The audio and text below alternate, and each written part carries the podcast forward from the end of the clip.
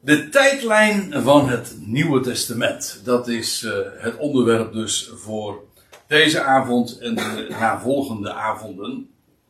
En ik ben uh, er weer achter gekomen dat er eigenlijk heel veel over te melden is. En uh, wellicht dat we het volgende seizoen daar weer mee verder gaan. Maar deze, eerst, deze drie avonden, dat is dan de bedoeling.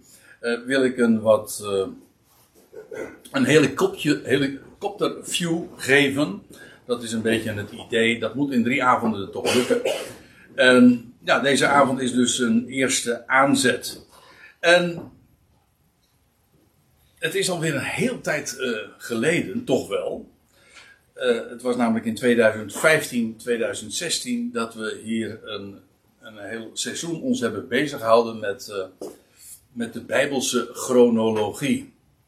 Of onder de titel ging dat dan Reken maar. En, terwijl ik het trouwens zeg, denk ik van, is het alweer zo lang geleden zeg. Maar dat was echt het seizoen 2015-2016. En ja, toen hebben we ons bezig gehouden met de Bijbelse chronologie. En dat was nogal veelomvattend, want we begonnen bij Adam. En we gingen door eigenlijk tot het millennium, dat nog toekom toekomstig is. En zes dagen van menselijke, van menselijke bedoelingen en die uiteindelijk eindigen in dat millennium, die dag die nog uh, toekomstig is en waarin God zal rusten uh, in zijn schepping.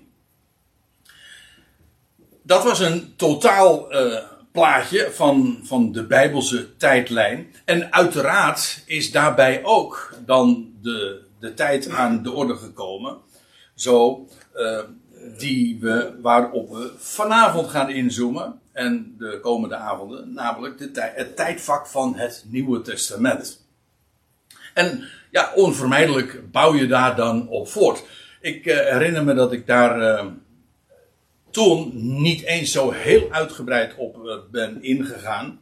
Maar dat is een, een des te mooiere gelegenheid om dat nu dan wel eens een keer te doen. Want weet u, in het algemeen, het hebben en het kennen en zicht hebben op een tijdlijn is van groot belang om de geschiedenis te verstaan. Sterker nog, uh, geschiedenis krijgt pas betekenis wanneer je ook weet waar je het in de tijd moet plaatsen.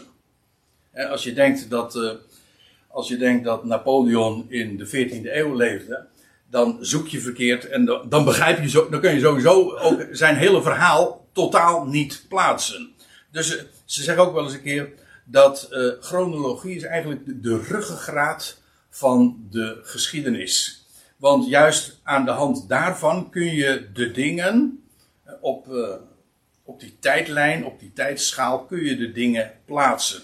En zo krijgen de dingen verband. En daarom is het in het algemeen ook zo nuttig om zicht te hebben, om ook overzicht te hebben over de tijden. En dat vond ik het, uh, het boeiende destijds. En ik heb vele bevestigingen daarvan ook toen vernomen. Toen we het hadden over de Bijbelse chronologie. Die zo ontzettend perfect, prachtig, nauwgezet, gestructureerd in elkaar steekt. Ik vond, dat is echt, echt zeer, zeer indrukwekkend. En waardoor je ook, eh, en dat is het geweldige daarvan, dat je ook eh, de, de geschiedenis eh, veel uh, gemakkelijker kunt plaatsen. Alleen als je een idee hebt van, oh wacht even, die tijden volgen elkaar op. En zeker als je dan ook weet hoe, hoe, hoe mooi dat allemaal gestructureerd het opgebouwd is, ja, dat vereenvoudigt het zicht gigantisch. En deze eerste avond, die, uh, ja, dat leek me eigenlijk wel een, een, een mooie aanvliegroute, zeg maar. Om een, een, raamwerk neer te zetten, een frame, zeg maar. Waarbij we dan in de navolgende avonden de dingen wat in dat raamwerk kunnen plaatsen. Want ja, we, we gaan het in, de, in de, vanavond al, maar ook de komende avonden hebben over allerlei gebeurtenissen. Ook seculiere gebeurtenissen. Ik bedoel, uh, wanneer bijvoorbeeld keizer Augustus een, een, eh, een, een, een, hoe dat, een inschrijving liet plaatsvinden. Hè, ten tijde van de geboorte van de Heer Jezus. Maar ook het vijftiende jaar van Tiberius. Vijftiende jaar van Tiberius. Ja, dat was het jaar dat de Heer Jezus zijn publieke bediening begon. Uh, daar gaan we het vanavond trouwens niet zozeer over hebben. Maar uh, ik, ik, bedoel dat soort dingen. Of bijvoorbeeld, nog wat anders. Uh, wanneer was, regeerde eigenlijk koning Agrippa? En de, diverse Herodesen. Maar ook stadhouders, een Felix, een Festus. die elkaar dan opvolgden. dat verbindt de bijbelse gegevens ook gewoon met de, de de, de, de, algemene, seculiere geschiedenis. In dit geval vooral van het Romeinse Rijk. Maar ook, dat is ook een, een boeiend ding, en dat daar ook direct mee te maken heeft. Dat is de, de, de, de boeken, de geschriften, de brieven van het Nieuwe Testament. Waar moeten die eigenlijk geplaatst worden? Gewoonlijk doen we dat aan de hand van het boek Handelingen. Maar uh, dat kan niet eens altijd. Maar in ieder geval, waar dan wel? Nou, de aardigheid is dat ik vanavond uh, eigenlijk vooral dat raamwerk wil neerzetten. En dat doe ik niet eens aan de hand van geschiedenis, maar aan de hand van profetie. En dat is heel bijzonder. Ik geef toe, wat ik nu zeg klinkt nog een beetje cryptisch, maar en dat hou ik ook nog even zo. Het wordt vanzelf in de loop van deze studie wel duidelijk wat ik ermee bedoel. Nou, laat ik eerst nog eventjes wat, wat dingen resumeren, zoals dat heet. Even nog weer eens even het geheugen opfrissen. En dan bepaal ik u in de eerste plaats bij het fenomeen van de 70 jaarweken. Ik zeg de 70 jaarweken en dan denkt u meteen, wellicht, aan de profetie van Daniel. En dat gaat inderdaad over 70 jaarweken. Maar ik zal u vertellen, de Bijbel kent uh, nog drie andere uh, perioden van 70 jaarweken, oftewel van precies 500 jaar. Want dat is wat het is. Kijk, je hebt jaarweken, om nog eventjes uh, helemaal de dingen scherp te stellen. Kijk, je hebt een, een week in dagen. En dan is de zevende dag het sabbat, dus de sabbat. Maar je hebt ook weken in jaren. En dan is het zevende jaar het sabbatsjaar. En dat speelt in in de Bijbelse wetgeving een grote rol, want het Sabbatsjaar, dat zou het jaar zijn dat het land rust heeft. En na zeven Sabbatsjaren, dat is dus na 7 keer 7 is 49 jaar, krijg je een heel bijzonder ingelast jaar, namelijk het jubeljaar. Dat is het vijftigste jaar. Dus zeven jaarweken worden per definitie Opgevolgd door een jubeljaar, waarna vervolgens weer een nieuwe cyclus begint van jaarweken. Zodat uh, tien jaarweken, zeg ik goed? Uh, ja, nee, eh, tien cycli, dus 500 jaar rijden. Eén cyclus van jaarweken is 50 jaar, dus 10 is 500 jaar. Nou, die periode, die komen we uh, die zijn we toen in de loop van die serie uh, heel wat keren tegengekomen. En dat zit geweldig in elkaar. Ik wil nog eventjes uh, een paar dingen zo, een paar mijlpalen neerzetten. En dan begin ik even bij het jaar 2000 van, moet ik er even bij zeggen, het jaar 2000 anno hominis. Dat wil zeggen het jaar van de mens, gerekend vanaf Adam. Moet je even, dat moet je altijd even scherp stellen. Ja, vanaf wanneer reken je? Ik heb het nu dus over het jaar gerekend vanaf de creatie van Adam. En dan is het zo dat in het jaar 2000 Noach stierf en Abraham geboren werd. Nou, dat is op zich al heel opmerkelijk. Ik bedoel, hier wordt een, een periode afgesloten, maar hier vangt ook een hele nieuwe tijd aan. Toen Abraham, sorry, toen Abraham 70 jaar oud was, toen kreeg hij de belofte dat, uh, na, dat bij de geboorte van zijn zoon nog een periode van 400 jaar zou aanbreken en dan zou zijn nageslacht uit Egypte trekken. De Exodus wordt dan al aangekondigd. Dat is zo eigenaardig, want dat betekent namelijk dat die Abraham is 70. Het zou nog 30 jaar duren voordat hij een zoon kreeg. Hij werd namelijk 100. Toen hij 100 was, toen kreeg hij Isaac. En daarna brak een periode aan van 400 jaar. Gerekend vanaf de belofte, dus 430 jaar. Tot aan de Exodus. En, en dan lees je in Exodus 12 dat als Israël uittrekt uit Egypte. Dat het op de dag nauwkeurig precies 430 en 400 jaren waren. Dat wil zeggen, die periode werd daar afgesloten. Dat betekent dus dat eh, de Exodus plaatsvond in het jaar 2500. Dat is trouwens het 50ste jubeljaar. 50 maal 50. Ja, je verzint het niet, maar uh, we hebben het toen allemaal gewoon ook uh, keurig met de teksten, de bonnetjes erbij, gezien. Het, het, het, staat als een huis. En ik ben, ja, ik ben ontzettend blij ook dat er zijn er velen geweest die die, die dat allemaal hebben nagerekend. Dat, dat, dat heb ik ook uit, toe uitgedaagd. Want ze hebben, ja, het, het, is geweldig. Maar waarom is het zo geweldig? Omdat het namelijk gewoon waar is. Het klopt. En uh, goh, ik heb uh, hele documenten gekregen, een hele uitgebreide Excel-sheet van mensen die dat allemaal hebben nageteld en dergelijke.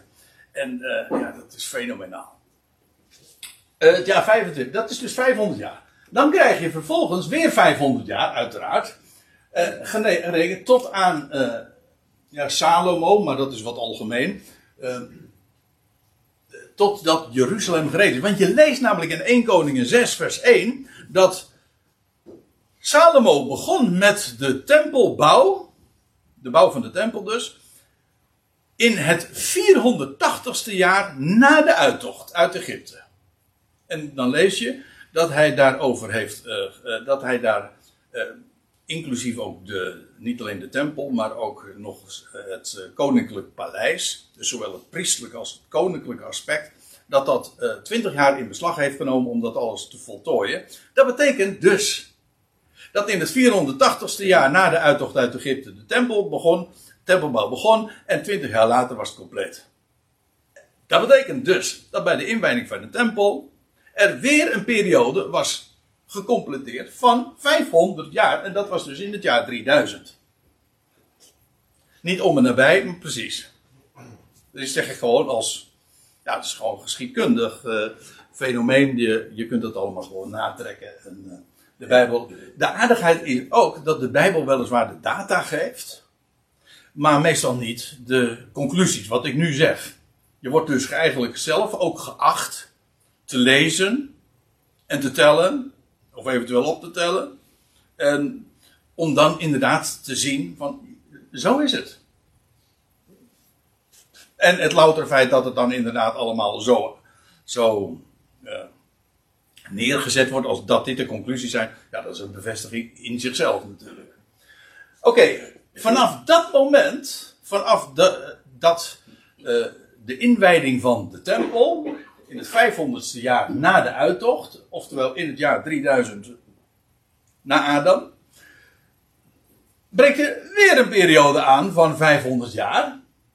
En, en die periode is ook weer onderverdeeld in, niet, in dit keer niet van 70 en 430, zoals hier in deze periode, maar van 430 en 70.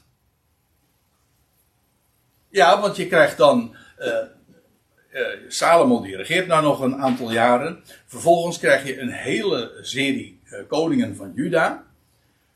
20 stuks om, om, precies te zijn. En als je, die hele, als je al die, die regeerperioden bij elkaar optelt, dan krijg je 430 jaar. En wat er gebeurde bij de laatste koning is dat toen Nebuchadnezzar kwam en toen, toen werd Jeruzalem verwoest, de tempel werd verbrand en bleef niks over en het land, het volk, uh, werd gedeporteerd naar Babel.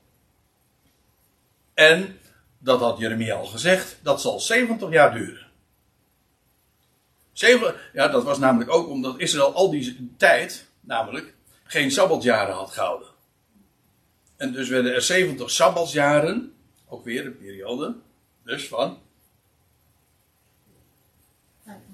Ja, ja van 500 jaar. Maar werd er dus weer uh, opnieuw of die werd alsnog opgeëist. en die 70, dus het was niet van ik 70 jaar, maar Jeremia zegt ook na 70 jaar zal het volk weer terugkeren. En Jezaja had al veel eerder gezegd, dat was een jaar of 200 daarvoor al, had al gezegd, dat zal gebeuren door ene koning Kores. Ja, echt, het staat gewoon allemaal zo in de profetie. Afijn, dat is dus uh, in de tijd dat Daniel in Babel is. En, en, onder, en nou ja, dat Babylonische Rijk dat uh, krijgt een einde en dan krijg je het Persische Rijk. En het, en het eerste jaar van het Persische Rijk, dat was onder koning Kores, of Cyrus, Cyrus, uh, die, heeft, die heeft toen bevel gegeven om Jeruzalem te herbouwen. Want hij was, hij was helemaal flabbergasted door het feit dat hij, dat, toen hij vernam, ik zeg nu eventjes kort door de bocht, toen hij vernam van, van Daniel, dat zijn naam al genoemd was in, in de in de boeken van de profeten. En dat zijn naam al een paar honderd jaar daarvoor was genoteerd door Jezaja. En dat hij degene zou zijn die het volk van Israël terug zou brengen naar, naar het land. En die eh, ook bevel zou geven om Jeruzalem te herbouwen. Dus hij wist precies wat er meteen te doen was. Stond. Ja, eh, dat heeft hij, en dat heeft hij ook gedaan. En de, Daniel 9 gaat daar dan over. Daniel 9 beschrijft dan dat, eh, dat Daniel zegt van, hij, hij merkte op dat het, was, het jaar was aangebroken. Het, het 70 jaar van de ballingschap was aangebroken. Nu moest het gaan gebeuren. Oké. Wat er gebeurt, nou ja, we komen er wel, want, maar ik, ik, ik, ik wil u eigenlijk ook een beetje in de moed brengen van de 500 jaren en van 70 jaar weken. Hier, op dat moment, in dat jaar, uh, op het moment dat Daniel te horen krijgt dat koning Kores bevel geeft om Jeruzalem uh, te herbouwen en dat het volk mag terugkeren naar het land. Op dat moment krijgt Daniel een profetie over 70 jaarweken.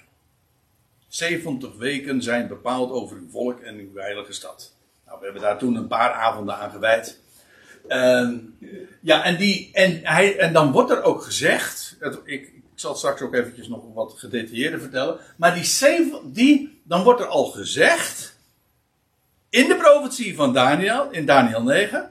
Die 70 jaarweken. Die zouden volgen. Die al eigenlijk tamelijk gedetailleerd worden ingevuld. Van wat er wanneer en uh, zou plaatsvinden. Maar die zouden eindigen in de, bij de Messias. Dus de komst van de Messias wordt aangekondigd. En andere profeten zeggen uh, uit, welke, uit welke stamboom die zou komen, wat zijn voorgeslacht zou zijn, waar die geboren zou worden, etc. Allerlei details. Maar in dit geval wordt er ook gezegd uh, wanneer de Messias niet, niet geboren zou worden, maar wanneer de Messias zou worden uitgeroeid. Dus er wordt ook gezegd dat de Messias zou, zou worden uitgeroeid. Dat is, dat is op zich al spectaculair, maar ook wanneer dat zou zijn. En dat zou zijn, nou ja, aan het einde daarvan na 69 weken. Oké. Nou, dan moet ik eventjes nog even wat meer op inzoomen. Want, eh, waar, kijk, waarom ik dit nu vermeld. We hebben het over de chronologie van het Nieuwe Testament. Jawel, maar die staat niet op zichzelf. We hebben het dus over het Nieuwe Testament wat wij dan noemen het Nieuwe Testament. Ja, maar dat is dus de tijd van de komst van de Messias. Maar die was al aangekondigd. Chronologisch bedoel ik, gewoon tijdrekenkundig. Die was al aangekondigd al honderden jaren tevoren, om precies te zijn, 500 jaar eerder. En. Um, ja, laten we, laten we nog eventjes, laten we even eh, nader zien uh, hoe, hoe, die, hoe die 70 jaarweken dan zouden zijn.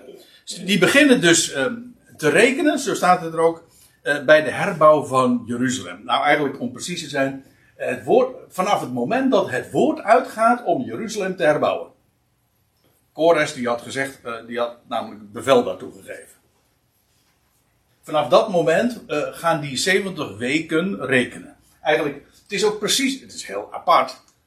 Uh, iedere keer, die periodes sluiten ook naadloos in elkaar. dus wanneer deze periode voorbij is, begin is het eindpunt van deze periode is het beginpunt van die andere periode. En dat geldt voor deze 700 jaarweken ook. Deze beginnen eh, hier te rekenen vanaf Kores. Maar dat is ook precies het jaar dat die eerdere 500 jaar eindigde. Dus hier, begint gewoon weer een nieuwe tijdvak van 500 jaar, oftewel van 70 jaarweken. En dat wij het nu 70 jaarweken noemen, dat is omdat het in Daniel 9 consequent zo genoemd wordt. Ik zeg het niet helemaal correct. Het staat eigenlijk gewoon 70 weken. Maar dan weken van jaren. Oké, ze beginnen dus hier te rekenen. En, en dan wordt er ook gezegd, de eerste, de eerste zeven jaarweken, de eerste zeven weken, dat zouden de weken zijn van de herbouw van de stad. Weet u, dit is ook weer een heel apart fenomeen. Want hier wordt van tevoren gezegd dat Jeruzalem herbouwd wordt en ook hoe lang die herbouw zou duren, namelijk zeven weken. Zeven jaarweken, oftewel 49 of zo u wilt 50 jaar. Het bijzondere daarvan is dat het dat dat een profetisch gegeven is. Want kijk het maar eens na in het boek Esra en Nehemia, waarin die herbouw beschreven wordt. Uh, daar is dat niet direct uit af te leiden.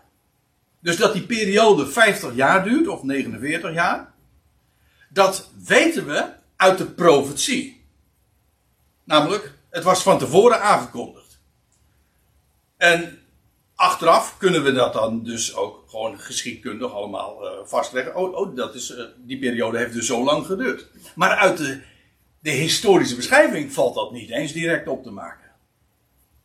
Ik zeg het nu even omdat dit fenomeen, dat, dat, dat komt weer terug. Oké, zeven weken dus van de herbouw van de stad. Dus dit zijn iedere keer van die cycli van... Uh, van, ja, van zeven jaarweken. Eh, zeg ik nou goed? Ja, van zeven jaarweken. Oftewel 50 jaar. En dan, en dan wordt er gezegd, eh, overigens, die, die profetie van die 70 jaarweken, die vind je terug in Daniel 9, had ik al gezegd. Maar vanaf vers 24 tot 27 wordt het gewoon uh, keurig beschreven uh, hoe dat dan is. En dan raad ik u trouwens wel aan om het in de Statenvertaling te lezen. Want de MBG-vertalers die hebben het niet helemaal begrepen. Sorry dat ik het zeg. Maar uh, de Statenvertaling is daarin uh, wel uh, correct. In ieder geval, hoe er ook, na, na, dan volgt, na die zeven weken, volgt een periode van 62 jaar weken. Van 62 weken. Oftewel, en, ja, en dan wordt er gezegd, die, na, dan, dat, na die 62 weken uh, zal de Messias, zal daar de Messias zijn. En zal hij worden afgesneden. Dus uh, als daar staat 62 weken, dat wil zeggen na, die, na die 7 weken. Dus je krijgt. Doe ik nou goed trouwens? Jawel, ja, ja. Uh, dus dan krijg je dus 7 en 62 weken, oftewel dat is in totaal 69 jaarweken. En die eindigen bij de Messias, want daarna zou hij, dat is de Messias, worden afgesneden. Zo staat het in de MBG-vertaling, staat er geloof ik uitgeroeid. Maar letterlijk is dat afgesneden. Maar in de praktijk komt dat toch op hetzelfde neer. Dus, tegen Daniel wordt al gezegd dat gerekend vanaf het moment dat de Jeruzalem zou worden herbouwd, tot aan de Messias, dat zou een periode zijn van 7 en 62 weken, oftewel van totaal 69 jaarweken. En dan, daarna zou hij worden afgesneden of uitgeroeid. Nou. En dan krijg je dus uh, de, ja, uh, na, die 69 jaarweken, ja, wat volgt er dan? Ja, kijk, en dit is nou een, beetje een, een, eh, een omstreden punt. Ik heb daar, uh, dat heeft nog een hele nasleep gehad. Dat klinkt een beetje uh, dramatisch, maar ik heb, wat ik daar verteld, over verteld heb over die, die 70ste week. Kijk, wat ik verteld heb is, is dat, waar het in Daniel 9 over gaat, is dat het een aaneengesloten periode is. Van 70 jaarweken. Het wordt ook gezegd van, het is. Het zijn niet 70, uh, het zijn niet 70 jaarweken, het is 70 jaarweken. Dat wil zeggen, het is enkelvoud, het is een eenheid. En, en, en die tijdspanne wordt, wordt benoemd en ja, dat. Uh, zoals, die zeven, zoals die zeven weken, uh, of die 62 weken aansluiten op de zeven weken, zo sluiten dan die laatste week ook weer aan op de 69 weken. Kijk, uh, wat er omstreden aan is, is dat we, uh, dat velen die geloven in de Bijbelse profetie, die, uh, die spreken altijd over de laatste jaarweek. als een profetisch gegeven. En ik heb toen in die Bijbelstudie verteld van ja, wacht even, in, de, in, de, in Daniel 9 is het historisch. Het is gewoon een tijd, de tijd gerekend vanaf Kores, dat uh, het woord uitging om Jeruzalem te herbouwen, tot aan de Messias, dat is 70 weken. En uh, waar het uh, meestal, waar, het, waar de discussie dan over gaat, van is dat nou, is die 70ste week nou historisch of profetisch? En ik zeg, dat heb ik, dat heb ik toen verteld, en dat heeft niet iedereen mij in dank afgenomen. En iedereen, iedereen mag trouwens ook daarover zijn eigen uh, ideeën uh, hebben natuurlijk. Ik bedoel, ik vertel datgene wat ik gevonden heb en wat, wat, ik ontdekt heb en wat ik meen te kunnen staven. En het is aan u, ik zeg het altijd weer en ik herhaal het bij deze ook. Dat doe ik juist bij omstreden aangelegenheden van check mij. Neem het niet voor zoete boek aan, maar controleer het zelf. Nou, wat ik dus geloof is dat die 70, die 70ste week gewoon historisch is. Sluit gewoon aan op die voorgaande 69 weken.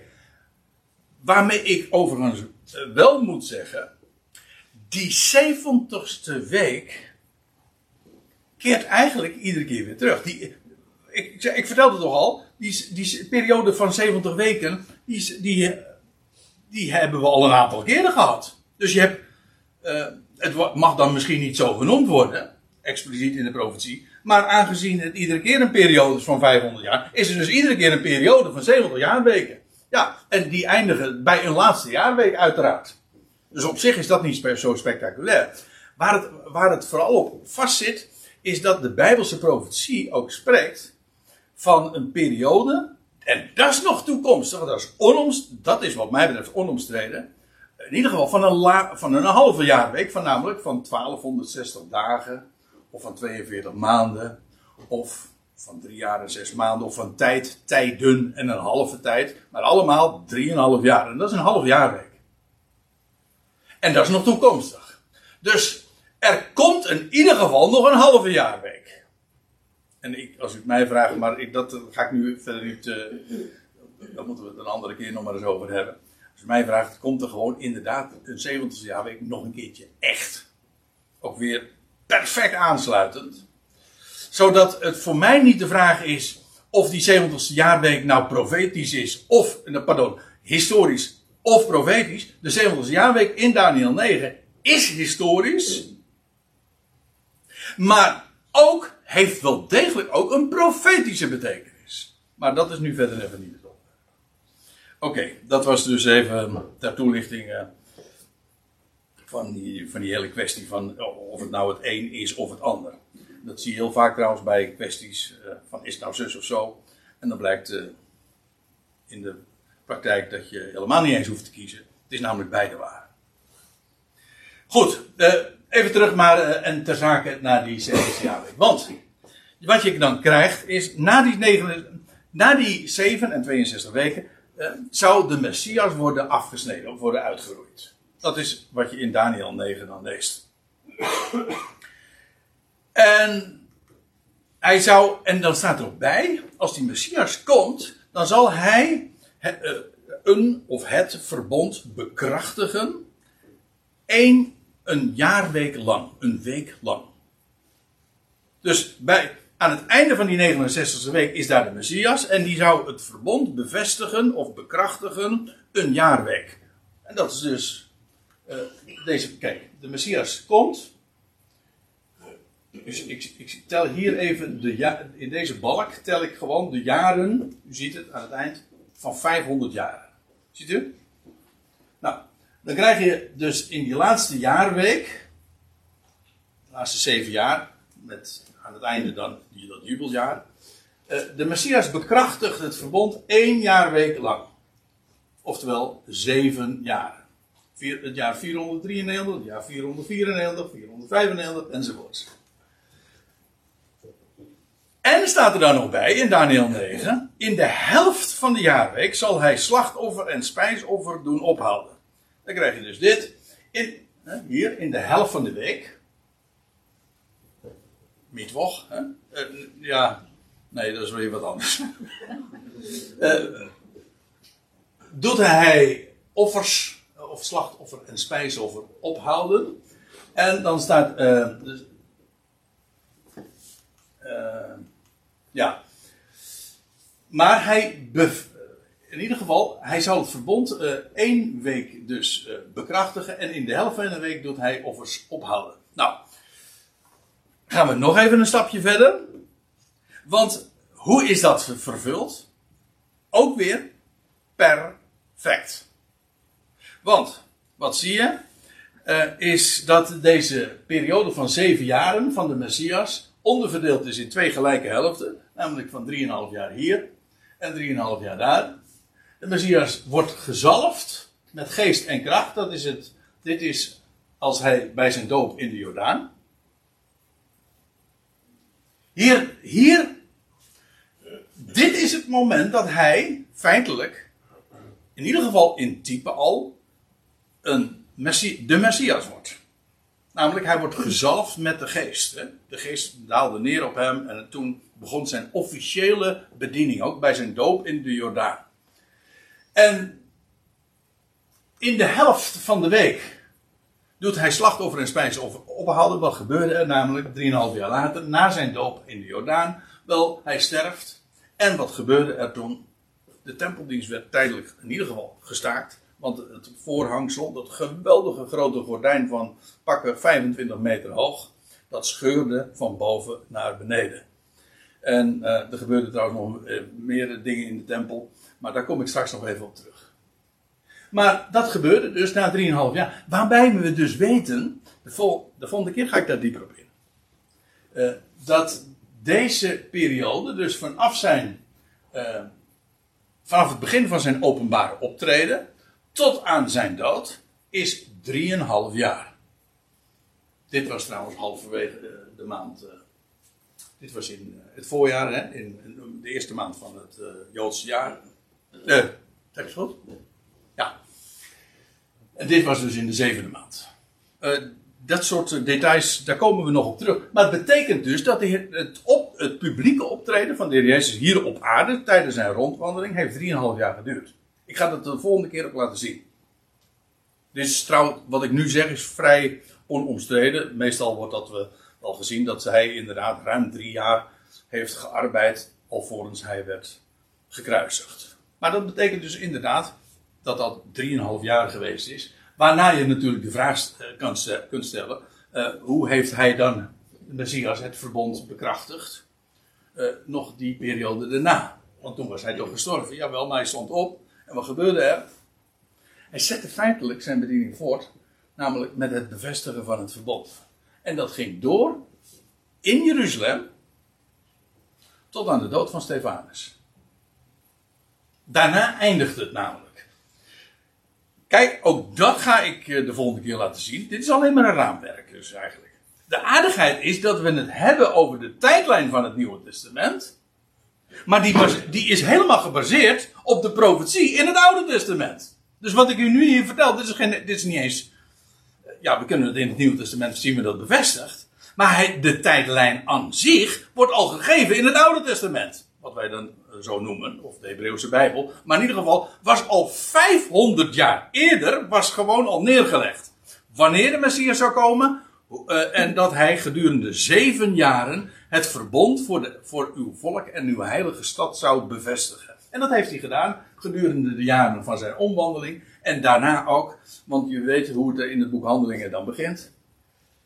Dat Lucas dan zegt van ja, uh, in mijn eerste uh, boek uh, Theophilus ben ik begonnen, of uh, heb ik geschreven, over al wat Jezus begonnen is te doen. Met andere woorden, eigenlijk dat wat er in het boek Handelingen volgt, is eigenlijk een voortzetting van wat de Messias doet, alleen dan op een hoger niveau. Nou, en ook via zijn dienstknechten. Maar wat daar gebeurde in de heilige stad, is dat het uh, massaal, dat daar geweldige wondertekenen plaatsvinden in die eerste 3,5 jaar. En dat eindigt op het moment dat het Sanhedrin, dat wil zeggen de officiële regering van in Jeruzalem, Stefanus, de uh, Jezus getuige ook, de kroon betekent dat trouwens, dat ze hem stenigen. En vanaf dat moment lees je niet meer over. Uh, op het moment dat eigenlijk het volk of de regering officieel de Messias, nu ook de opgestaande Messias, verwerpt. door Stefanus te stenigen. dan eindigen ook inderdaad de bevestiging van uh, de wondertekenen. Dus die periode van de, de bevestiging van het verbond duurt inderdaad zeven jaar en duurt, gaat voort uh, tot aan de steniging van Stefanus en daarna houdt het op. In Jeruzalem weliswaar. En de eerste die zich dan aandient, de, de naam, dat is ene Saulus van Tarsus. Ja, en die wordt een jaar later, die wordt in het jaar daarop volgende jaar, het jaar, 500ste jaar dus, geroepen. En breekt er weer een nieuwe periode aan natuurlijk. Ja. Maar goed, we hebben hier dus over, over die, die, die laatste zeven jaar. Dus als er staat in Daniel 9 dat de, na 7 en 62 weken de Messias zou worden uitgeroeid, dat is ook zo. Er staat daar na 7 en 62 weken, maar dat betekent dus in de praktijk gewoon in de 70ste week. En dat klopt exact, want na 3,5 jaar is de Messias inderdaad uh, gekruisigd. En bij die gelegenheid, bij zijn sterven, werden slachtoffers en spijsoffers. Uh, het was trouwens ook het, precies het uur dat de offerdienst plaatsvond. In het uur namelijk, negende uur. Toen juist de offers gebracht werden, toen werd dat gordijn van boven naar beneden gescheurd. Dus het, het is exact gegaan zoals het daar voorzegd is. En waarna er dus uh, nog een periode van 3,5 jaar aanbreekt. En ik wil nog op één ding wijzen, waar ik zojuist ook al even op hintte. Namelijk het fenomeen dat deze periode 3,5 jaar duurt. Dat wil zeggen de tijd van Jezus' omwandeling tot aan zijn sterven. Is 3,5 jaar. Dat kun je opmaken uit de evangelie. Eventueel. Maar Maar met stelligheid wordt het al gezegd in de profetie. Dat het inderdaad 3,5 jaar is geweest. Weten we eigenlijk doordat Daniel dat 500 jaar eerder al had gezegd. Dat de evangelie dat dan vervolgens bevestigen. Oké.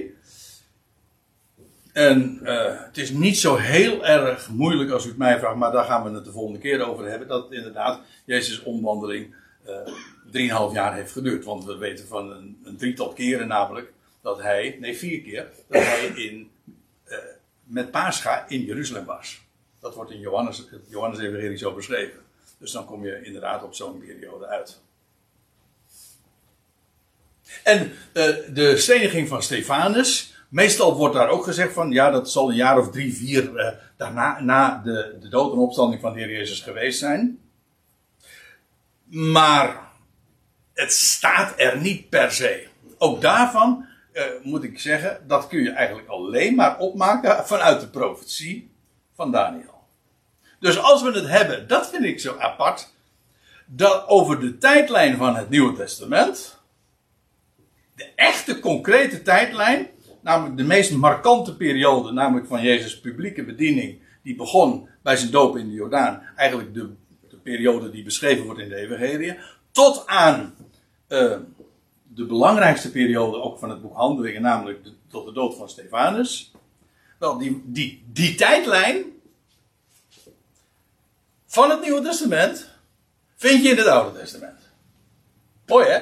Hoe, uh, waarom ik het zo mooi vind, is omdat het uh, precies ook weer aangeeft dat God geschiedenis schrijft voor, in de profetie.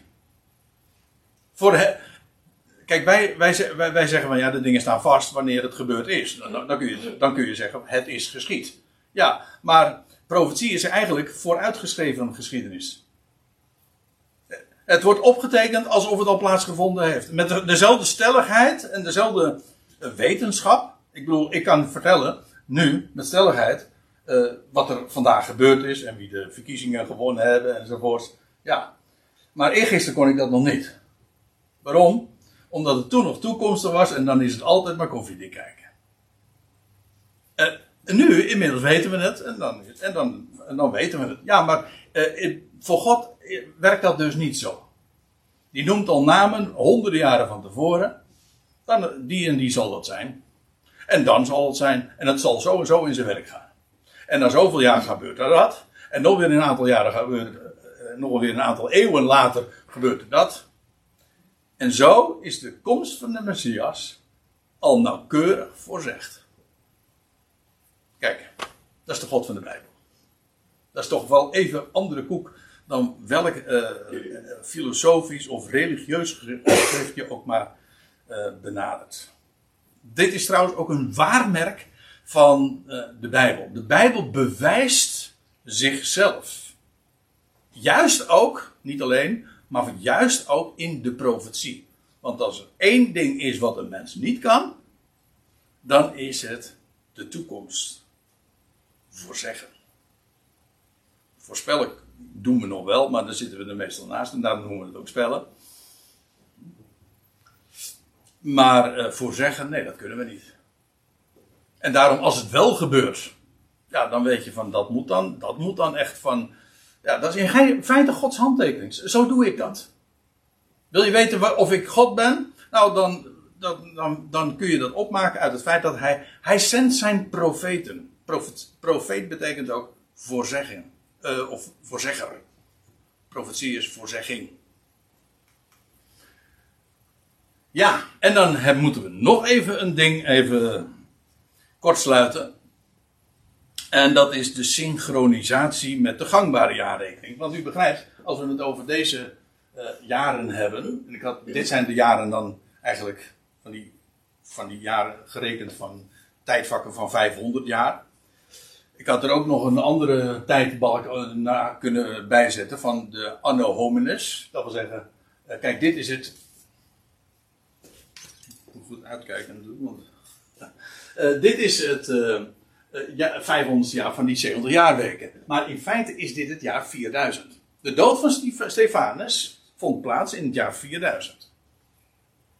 Dus, dus 1000 jaar, 500 jaar na de herbouw van de stad. En duizend jaar na, dat, uh, na de inwijding van de tempel uh, in de dagen van Salomo. En 1500 jaar na de Exodus. En 2000 jaar na de geboorte van Abraham.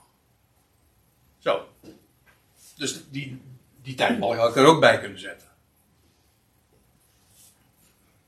Uh, maar nu, dat doe ik nu even niet. Uh, want ik wil nog wel iets anders weten. En dat is, hoe, hoe moet je dit plaatsen uh, in onze gangbare tijdrekening? En die is niet eens zo heel erg makkelijk. En toch ga ik hem nu leveren. We hebben het er trouwens toen tijd ook wel over gehad. Maar ik wil er nu nog wat, uh, wat meer over zeggen. En dat is, ik, dat noem ik AD, dat is Anno Domini. En daarmee bedoel ik onze gangbare jaarrekening. Jovens getuigen spreken altijd over GT, gewone tijdrekening. En meestal spreekt men over na Christus. Maar ook dat, ja, dat, is een, nee, dat klopt niet. Uh, want, nou ja, daar zullen we het de volgende keer ook nog over hebben. Want de Jezus is geboren in, uh, ja, wanneer was dat? Ja, twee van Christus, precies. Nee, uh, vier van Christus. Ja, nou, daar gaan we het de volgende keer over hebben. Maar als ik het zo zeg, dan dat is toch bizar. Hij was toch geboren in het jaar nul? Nee, dus dat... Weet u dat onze tijdrekening, die, die dateert uit de vierde of vijfde eeuw van een uh, Dionysius Exigus. En die heeft met terugwerkende kracht gewoon gezegd van nou, dat, uh, wij, we zitten nu in, dit, in, in het jaar 400 zoveel, weet ik veel, 500 zoveel. Maar hij, heeft, hij had als uitgangspunt de geboorte van Jezus. Maar het is inmiddels al lang bekend dat hij er sowieso een paar jaar na zat. Dus ja, daarom zeg ik van laten we het uh, houden op de gangbare reken, tijdrekening. Maar goed, uh, ik zei al, de, de, de dood en opstanding van de Heer Jezus, dat is dus 3,5 jaar voor het jaar 4000. En dat is in het jaar 30 geweest. u ziet trouwens dat dit niet helemaal zin, dat dit niet synchroon loopt, maar de, weet je hoe dat komt? Dat komt omdat wij rekenen vanaf 1 januari, maar een Jood rekent van 1 Tishri. Dat is, in, dat is in het najaar. Van 1 Tishri tot 1 Tishri, dat is van september, oktober, dat hangt er ook weer vanaf. Want zij hebben een maankalender en wij hebben een zonnekalender. Dat zeg ik om het even simpel te maken. Dus, hè? Het 500ste jaar 10 is. Zeg nog eens. Het 500ste jaar is al 10 is. Het jubeljaar is al 10 is. Ja, dan begint het officieel dat het jubeljaar. Ja, dat is nog weer 10 dagen later. Jij gaat het nog ingewikkelder maken. Ja, precies, we zijn daar toch mee bezig.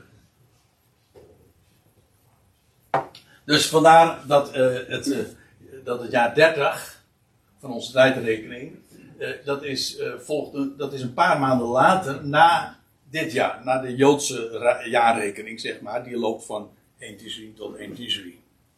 Vandaar dus. En dat, is, dat betekent dus dat de Heer Jezus in het jaar 30 is gestorven, opgestaan en ten hemel gevaren. u zegt van ja, waar, waar baseer je dat op? Nou, dan komen, we, uh, dan komen we op nog iets.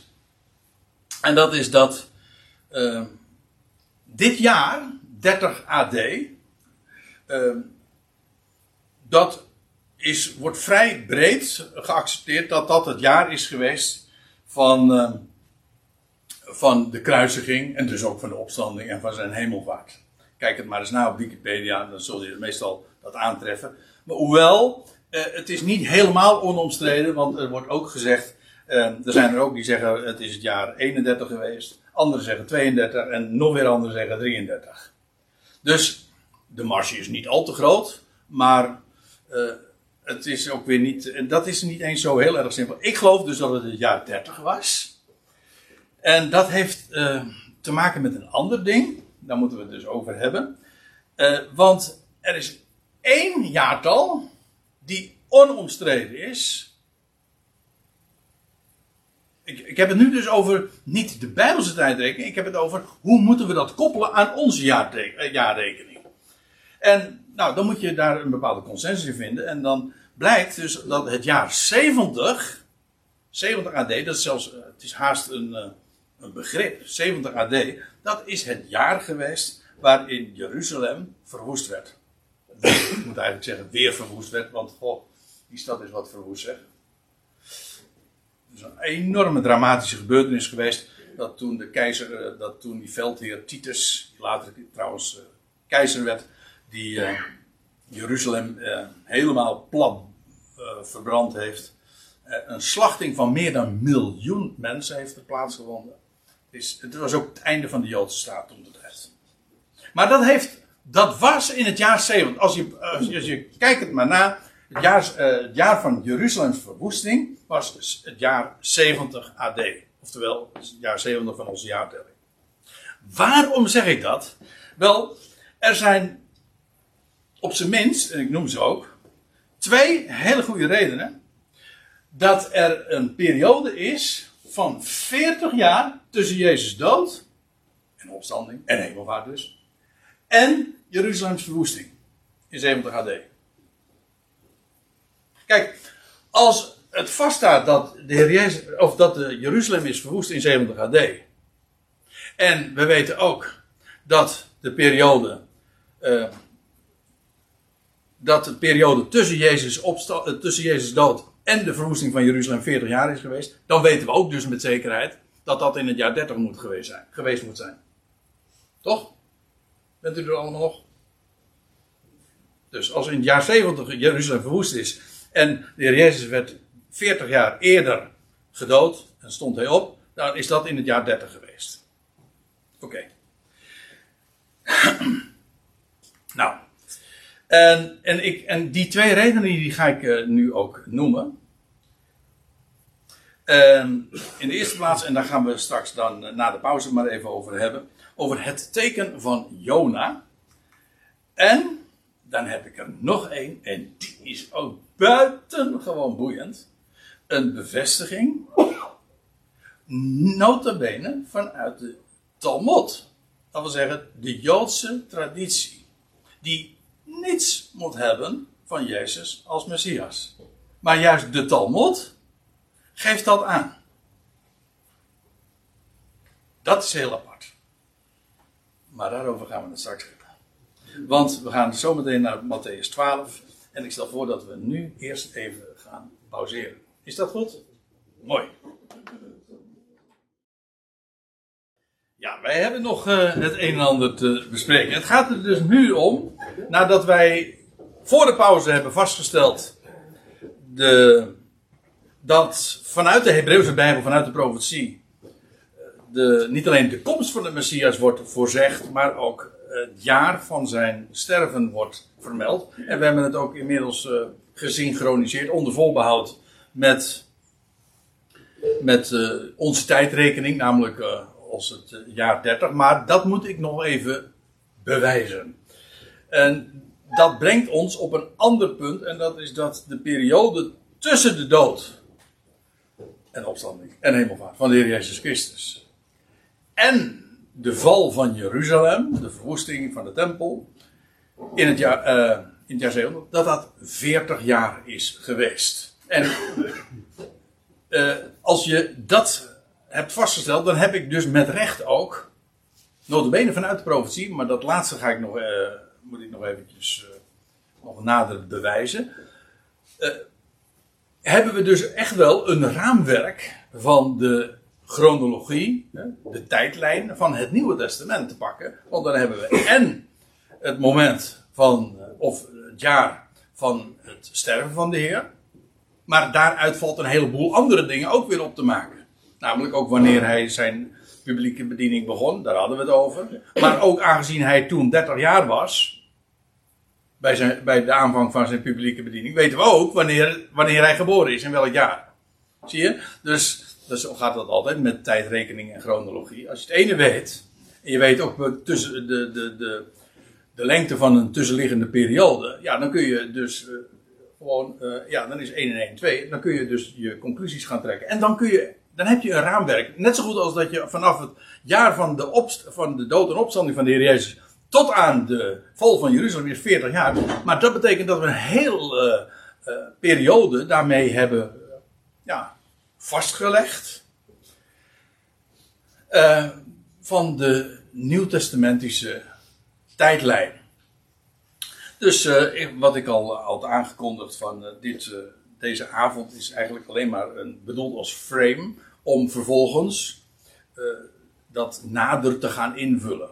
Dat hebben we eigenlijk al redelijk gedaan, maar goed, we willen nog veel meer weten natuurlijk. Oké, we gaan naar Matthäus 12. En ik lees eventjes voor het gemak uit de MBG-vertaling. En mocht het uh, uh, afwijken, uh, dat wil zeggen vanuit de grondtekst, dan geef ik dat vanzelf wel even aan. En sowieso kunt u met de interlineair meelezen. En in Matthäus 12, ja, toen had er al het een en ander uiteraard plaatsgevonden. Dat was net naar aanleiding van de beschuldiging van de Heer Jezus. Dat van notabene de kant van de schriftgeleerden, de fariseeën die zeiden van ja, hij heeft demonen uitgedreven, maar dat doet hij met behulp van Beelzebul. En dan spreekt hij ook over een uh, de zonde, de, dat, is een, dat is over een lastering van de geest.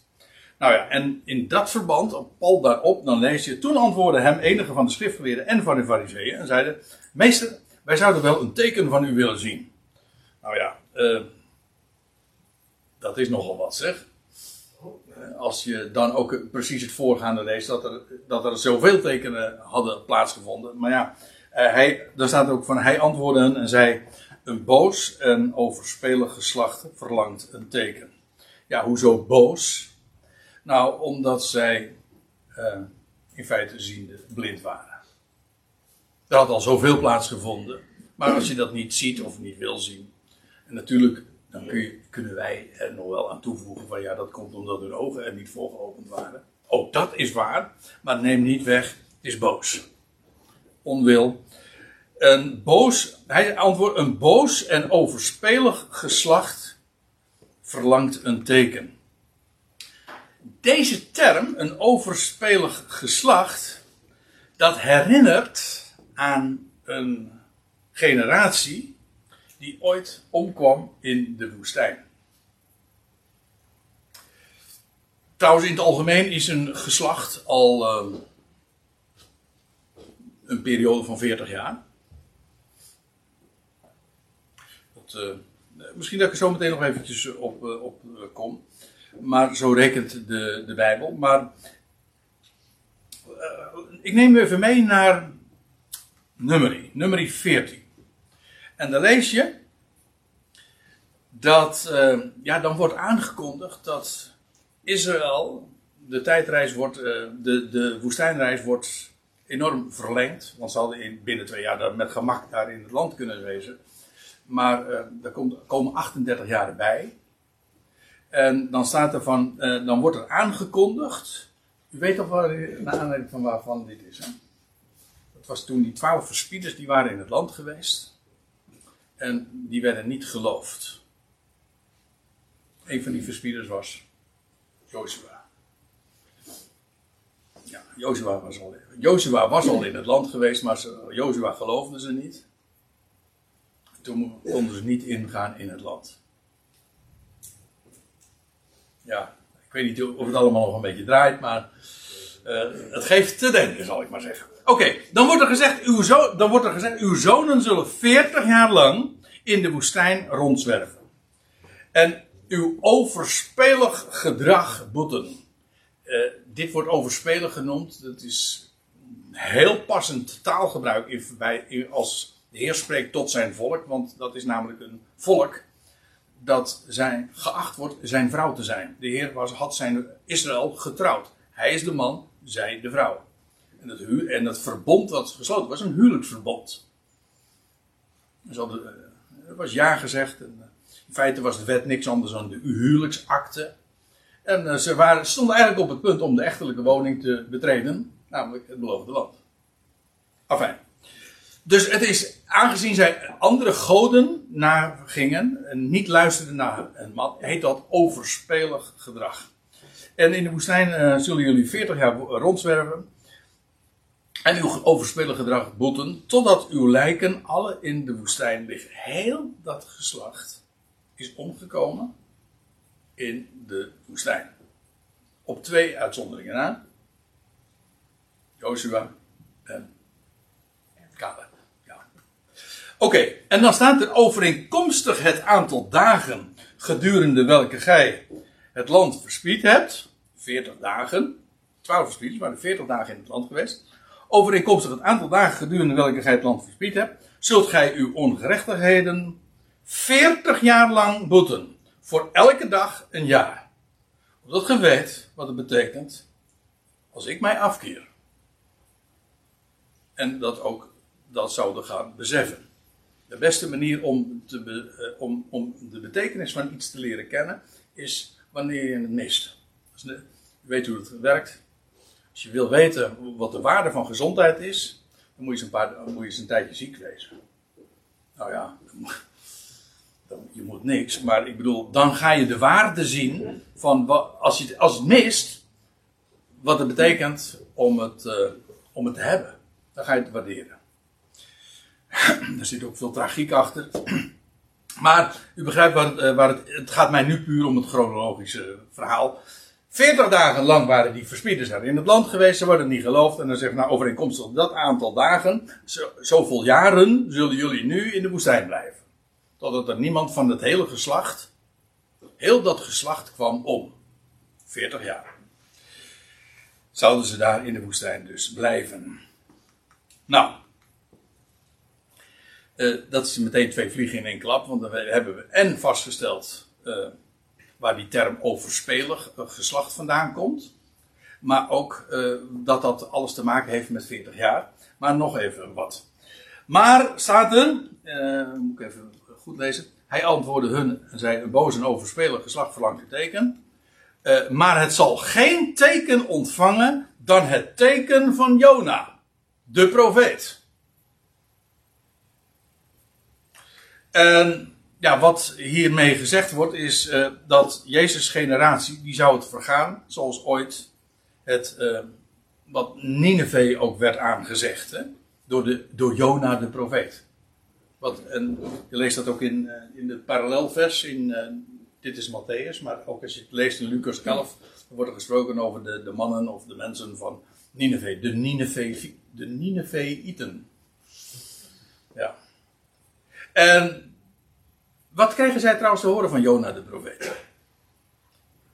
Die man die kwam dus uit de zee. Ja, echt, uit de zeemonster. Nou, zeemonster, uit de grote vis. En ja, nou ja, ik denk dat. Ik, ik, maar dat is. Uh, ik heb daar wel motieven voor, maar kan het niet zo even bewijzen. Maar dat, uh, dat het Jona wel aan te zien is geweest. Dat hij. Uh, ja, u zegt zeewier in, in, zijn, in zijn haar of zo. Nou, nee, ik denk dat er.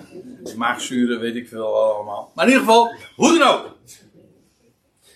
Uh, hij, wat hij gedaan heeft, hij heeft indruk gemaakt. Want, uh, want hij, ging, hij kwam daar in die grote stad, Nineveh, dat was de hoofdstad in die dagen.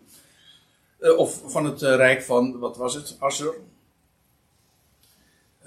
Nee, zeg ik niet goed. Nou ja, laat maar even.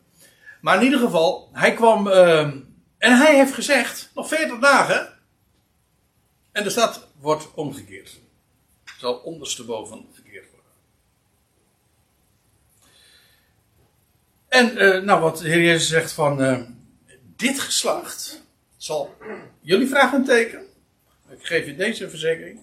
Dit geslacht krijgt geen teken dan alleen het teken van Jona, de profeet. Want, en nou komen we op een kwestie apart, maar ik moet het eventjes toch doorlezen. Want gelijk Jona drie dagen en drie nachten in het buik van het zeemonster was. In het boek Jona heet het gewoon een grote vis. Uh, maar ja, hè, wat is een. Oké. Okay. Uh, hij was in de buik van de zee, uh, zeemonster. En Drie dagen en drie nachten, ja, dat, is, dat wordt trouwens ook wel in Jona 1 gezegd. Hè? Uh, de Heer beschikte een grote vis om Jona in te slokken. En Jona was in het ingewand van de vis drie dagen en drie nachten. En er zijn er die zeggen van hij is daar ook gewoon overleden. En daar lijkt me een hele goede reden voor. Namelijk, als je ziet waar hij een type van is. Oké. Uh, drie dagen, drie, ja, over die drie dagen en drie nachten. Oh, daar is al zoveel over gesteggeld. Uh, maar wat er gezegd wordt, gelijk Jona drie dagen, drie nachten in de buik van het zeemonster was. Zo zal de Ben Adam, dit is even niet de MBG. Als het cursief is, dan, dan geef ik het even weer zoals het echt eigenlijk uh, hoort te staan. Zoals de ben, zo zal de Ben Adam, de zoon van de mens, in het hart van de aarde zijn, of het hart van het land. Hè? Dat, eh, dat weten we nou nog van de vorige serie. Dat de aarde hetzelfde is als het land. Dus als in het hart van, het, van de aarde is gewoon in het hart van het land. Zo, zo zal de ben Adam in het hart van het land zijn drie dagen en drie nachten.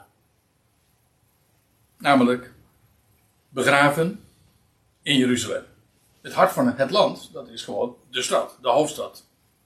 En zoals Jona in het midden uh, van de zee was, in het hart van de zee, zo staat het er ook. Zo was hij in het hart van de aarde, maar dan, net als Jona, dood. In het dodenrijk. Jona bad ook vanuit het dodenrijk. Staat er in Jona. Oké, ja, waar natuurlijk uh, veel over te doen is, hoe moet er dan gerekend worden? Want meestal wordt er gezegd dat de Heer Jezus dan op vrijdagmiddag is overleden en op zondagochtend over, opstond. Maar dat, dat zijn maar twee nachten. Oké, je kan zeggen van ja, maar het is wel vrijdag, zaterdag, zondag. Maar uh, kijk, ik, ik, zal het even kort zeggen. Ik ga het nu niet uitleggen, maar uh, om even kort aan te geven van hoe er dan geteld wordt. Uh, donderdagmiddag, 14 Nisan, stierf de Heer Jezus. Dan kreeg je de eerste nacht. Op vrijdag, de 15e Nisan, dat was een jaarlijkse sabbat. Na van paascha kreeg je de jaarsabbat. Dat was de eerste dag in het graf.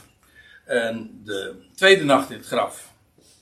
Dan, dat is vrijdag op zaterdag. De 16e Nisan, dat was dus de tweede dag in het graf. Dat was trouwens op een zaterdag en dus een wekelijkse sabbat. Zodat er twee sabbatten achter elkaar vielen. En dan kreeg je de nacht van zaterdag op zondag. Dat was dus de derde nacht. En daar vroeg in de ochtend uh, wordt de steen van het graf weggewenteld. En dat was de derde dag. Ik, geef toe, het is kort door de bocht. Maar uh, de telling uh, klopt als een u het mij vraagt. Maar ik weet dat er veel meer over te melden is en er zitten meer haken en ogen aan. Maar uh, het gaat er maar even om. Het is inderdaad drie dagen en ook, als het mij vraagt, gewoon inderdaad drie nachten. Het wordt op allerlei mogelijke manieren weggeredeneerd. Maar op deze wijze klopt het als een zweer in de vinger, zeggen ze dan. dit was trouwens ook de dag van de eerstelingsschoof. Dat zeg ik even voor de fijnproevers, maar hij is zo mooi. Hè? Ja, de dat was de dag dat de eersteling van de gerstenoogst aangeboden werd aan de Heer. En dat was de dag na de Sabbat. Dat, dat, had geen, dat heeft geen datum, maar er wordt gezegd dat dat wel een weekdag. Dat was namelijk de dag na de Sabbat. En dat klopte. Dus de dag, dit was de, dit was de zaterdag, Sabbat dus. En de dag daarna werd de eerstelingsschoof van de gerstenoogst aangeboden. En dat, en dat was eigenlijk ook het begin van een hele sabbatentelling, want de vijftigste dag was Pinksteren. Vanaf hier wordt dus die, de, de, de, de dagen geteld tot 50. Dus het is een hele markante dag. Als je er meer over wil weten, kijk het in Leviticus 23. Daar, staat, daar wordt het gewoon beschreven. En uh, ja, uh, het is natuurlijk een hele markante dag in die zin dat de Heer Jezus inderdaad opstond op de derde dag. Dat was natuurlijk ook al zo uh, aangekondigd. Maar ook inderdaad de derde dag, het was de dag van de eerstelings. Als de eersteling verrees hij uit het graf. Dus linksom of rechtsom, het is allemaal precies ja, zoals het. het ging volgens het boekje. Of volgens de boeken. Hij stond op op de derde dag naar de schriften. Zoals opgetekend. Dit was trouwens al 1500 jaar daarvoor opgetekend. Ik bedoel, in de boeken van Mozes vind je dit al. Wanneer zou de eersteling schoof eh, bewogen worden voor het aangezicht van God? Nou, dan had God had gezegd: Ik heb een datum daarvoor in gedachten. En precies op die dag verrees hij uit het graf. Zoals hij precies ook op die 14e Nisan stierf. Dat was de dag van de Paascha. Ja, ik, eh, ik geef toe, als je helemaal niks van de Bijbelse profetie of van de Bijbelse geschiedenissen en boeken kent, dan, uh, dan is het wel zware kost vanavond. Dat, re dat realiseer ik me. Maar als u zegt van het is wel heel veel, dan zeg ik van ja, maar dat is de bedoeling ook. Dat u, dat u zegt van wauw, dit is onvoorstelbaar. Zo groot en zo goddelijk als dat die schrift in elkaar steken. Als u dat in ieder geval onthoudt, dan heeft deze avond voluit, wat mij betreft, als een rendement uh, gehaald. Oké, we gaan weer even terug. Uh, want we hadden het over Matthäus uh, eh, 12 dus, en dat de heer zegt van, ja, jullie krijgen dit geslacht, dit geslacht, krijgt geen teken dan het teken van Jona de profeet. En zoals Jona drie dagen en drie nachten in het hart van de vis was, zo zal de Ben Adam ook drie dagen en drie nachten in het hart van het land zijn. Begraven daar in Jeruzalem. En dan wordt er nog bij gezegd: de mannen van Nineveh zullen in het oordeel straks ooit opstaan met dit geslacht, eh, met, dit, met dit geslacht. Ook zij zullen voor de troon dan verschijnen. En zij zullen het veroordelen. Want zij hebben zich bekeerd op de prediking van Jona. En zie, meer dan Jona is hier. Ja, uh, de prediking van Jona. Uh, wat was de prediking van Jona? We hadden het er net al even over. Namelijk, In 40 dagen zal de stad omgekeerd worden. En weet u wat nou zo mooi is? Het is gebeurd. Hè? Nee, maar de Ninevieten. Die werden omgekeerd. Die waren helemaal ondersteboven. Oh. Bekeerd. Hier staat, er staat in het, in het Hebreeuws ook het woordje gekeerd. De stad zal gekeerd worden. Ja, maar dat is precies wat een bekering in de letterlijke zin van het woord ook is. Omgekeerd. Het is een omkering. En de stad is inderdaad omgekeerd. En, maar laat ik u dit zeggen. Dat was ook de prediking van de Heer Jezus. In gedurende die jaren dat hij rondwandelde. Wij weten inmiddels uh, hoe lang dat precies is geweest. Want hij heeft, de Heer Jezus heeft ook gesproken over dat Jeruzalem. Uh, merkwaardig. We zullen in deze chronologische reeks zullen we het vaak refereren aan en het Lucas-evangelie, omdat die heel erg scheutig is met uh, allemaal chronologische details. En met het boek Handelingen, maar Handelingen is eigenlijk gewoon het tweede boek van Lucas, het vervolg, deel 2 van de serie. En, en juist Lucas wijst er ook op dat de Heer Jezus gedurende zijn uh, prediking uh, in het land Israël gewezen heeft op de uh, verwoesting van de stad Jeruzalem. En uh, even later trouwens, in Lucas 21, uh, dan lees je, ik heb juist vorig jaar uh, in Urk nog, of op Urk moet ik zeggen, een, een studie over gegeven, over Lucas 21, en die buitengewoon frappant. Als u hem terug wil luisteren, kan ik u echt aanbevelen, want je, je, je oren klapperen. Het is geweldig zoals dat in Lucas 21 ook wordt voorzegd. Maar dan staat daar bijvoorbeeld in Lucas 21, vers 10. Zodra gij nu Jeruzalem door legerkampen omzingeld ziet, weet dan dat zijn verwoesting nabij is. En zo is het inderdaad gegaan.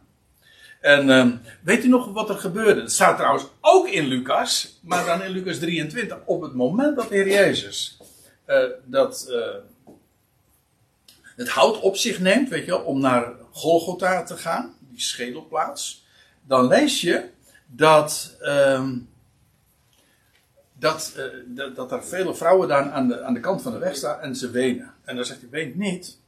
Um, en ik lees even voor, ik heb hier die tekst uh, vermeld. Lucas 23, vers 28 staat. En Jezus wendde zich tot haar en zeide: Dochters van Jeruzalem, weent niet over mij, maar weent over uzelf en over uw kinderen. Want zie de dagen komen waarop men zal zeggen: zalig de onvruchtbare, of gelukkig de onvruchtbare en de schoot die niet heeft gebaard en de borsten die niet hebben gezoogd. Met andere woorden, hoe zwaar zal het zijn voor de, voor de moeders met kleine kinderen? En gelukkig degene die dat daar niet hebben. Met andere woorden, wat de Heer Jezus daarbij eigenlijk ook zegt: van op het moment dat hij de stad verlaat en dat hij uh, ja, gekruisigd wordt, zegt hij: Ween niet om mij, ween om uzelf. En wat er gaat gebeuren met dit geslacht. Want de stad zal. Hij wijst op het drama dat aanstaande is. Dus dat komt in feite overeen met de prediking van, uh, van Jona. Ja. Dus, uh, nou, nou wil ik de parallel ook laten zien. Je krijgt dus, je hebt Jona's prediking. Uh, 40 dagen. En dan de stad wordt omgekeerd. Ja, maar het is een type van. Het teken, dat is het teken van Jona. Namelijk, hij zou drie dagen, drie nachten in het hart van het land zijn. Dood, begraven. Is het jaar 30. 40 jaren. Komt overeen met die 40 dagen dus. Hè? Zoals Jona 40 dagen. Uh, over 40 dagen, ja. Dat staat voor 40 jaren.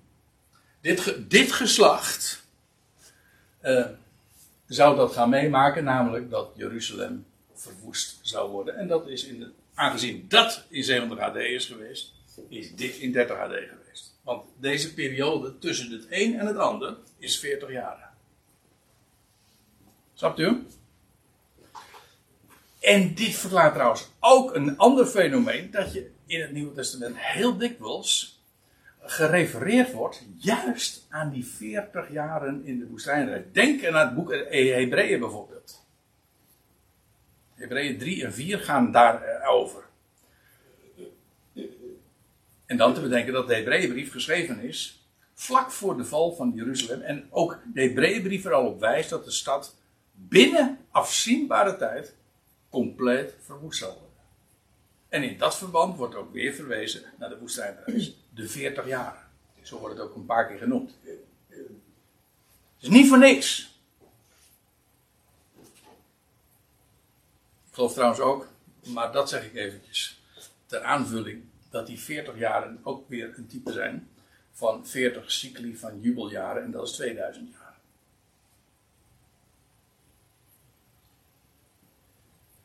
Oké. Ja, en dan wil ik deze nog noemen.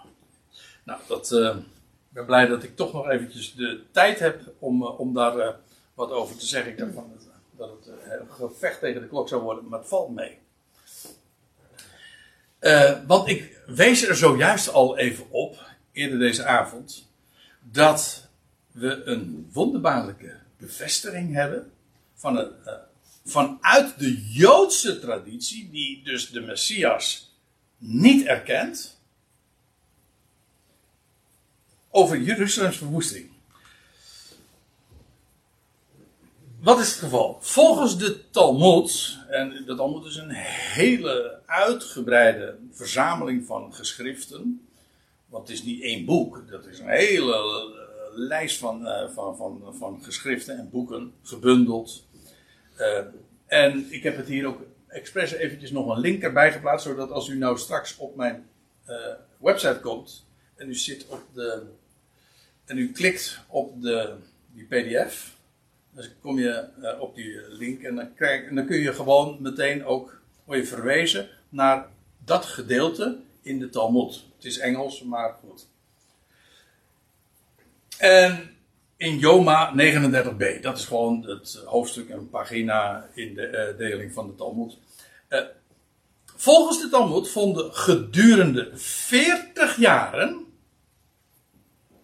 voorafgaand aan Jeruzalems verwoesting. In 70 AD dus. vonden er vier voortekenen plaats.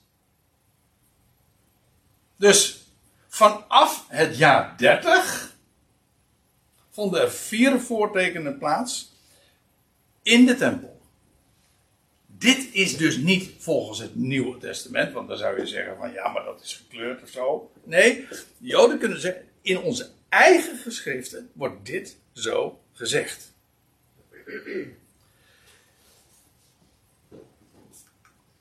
In de eerste plaats dit. Uh, misschien kan ik hem eventjes erbij halen. Wacht doe ik het even zo.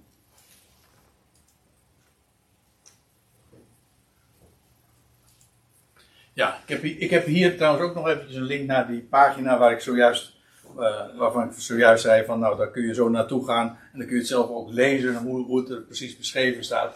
Maar uh, hier zie je dus de Hebreeuwse tekst met daaronder ook de Engelse uh, vertaling ervan. En ik heb het even gearseerd hoe het er, wat daar dan inderdaad in de Talmud beschreven wordt.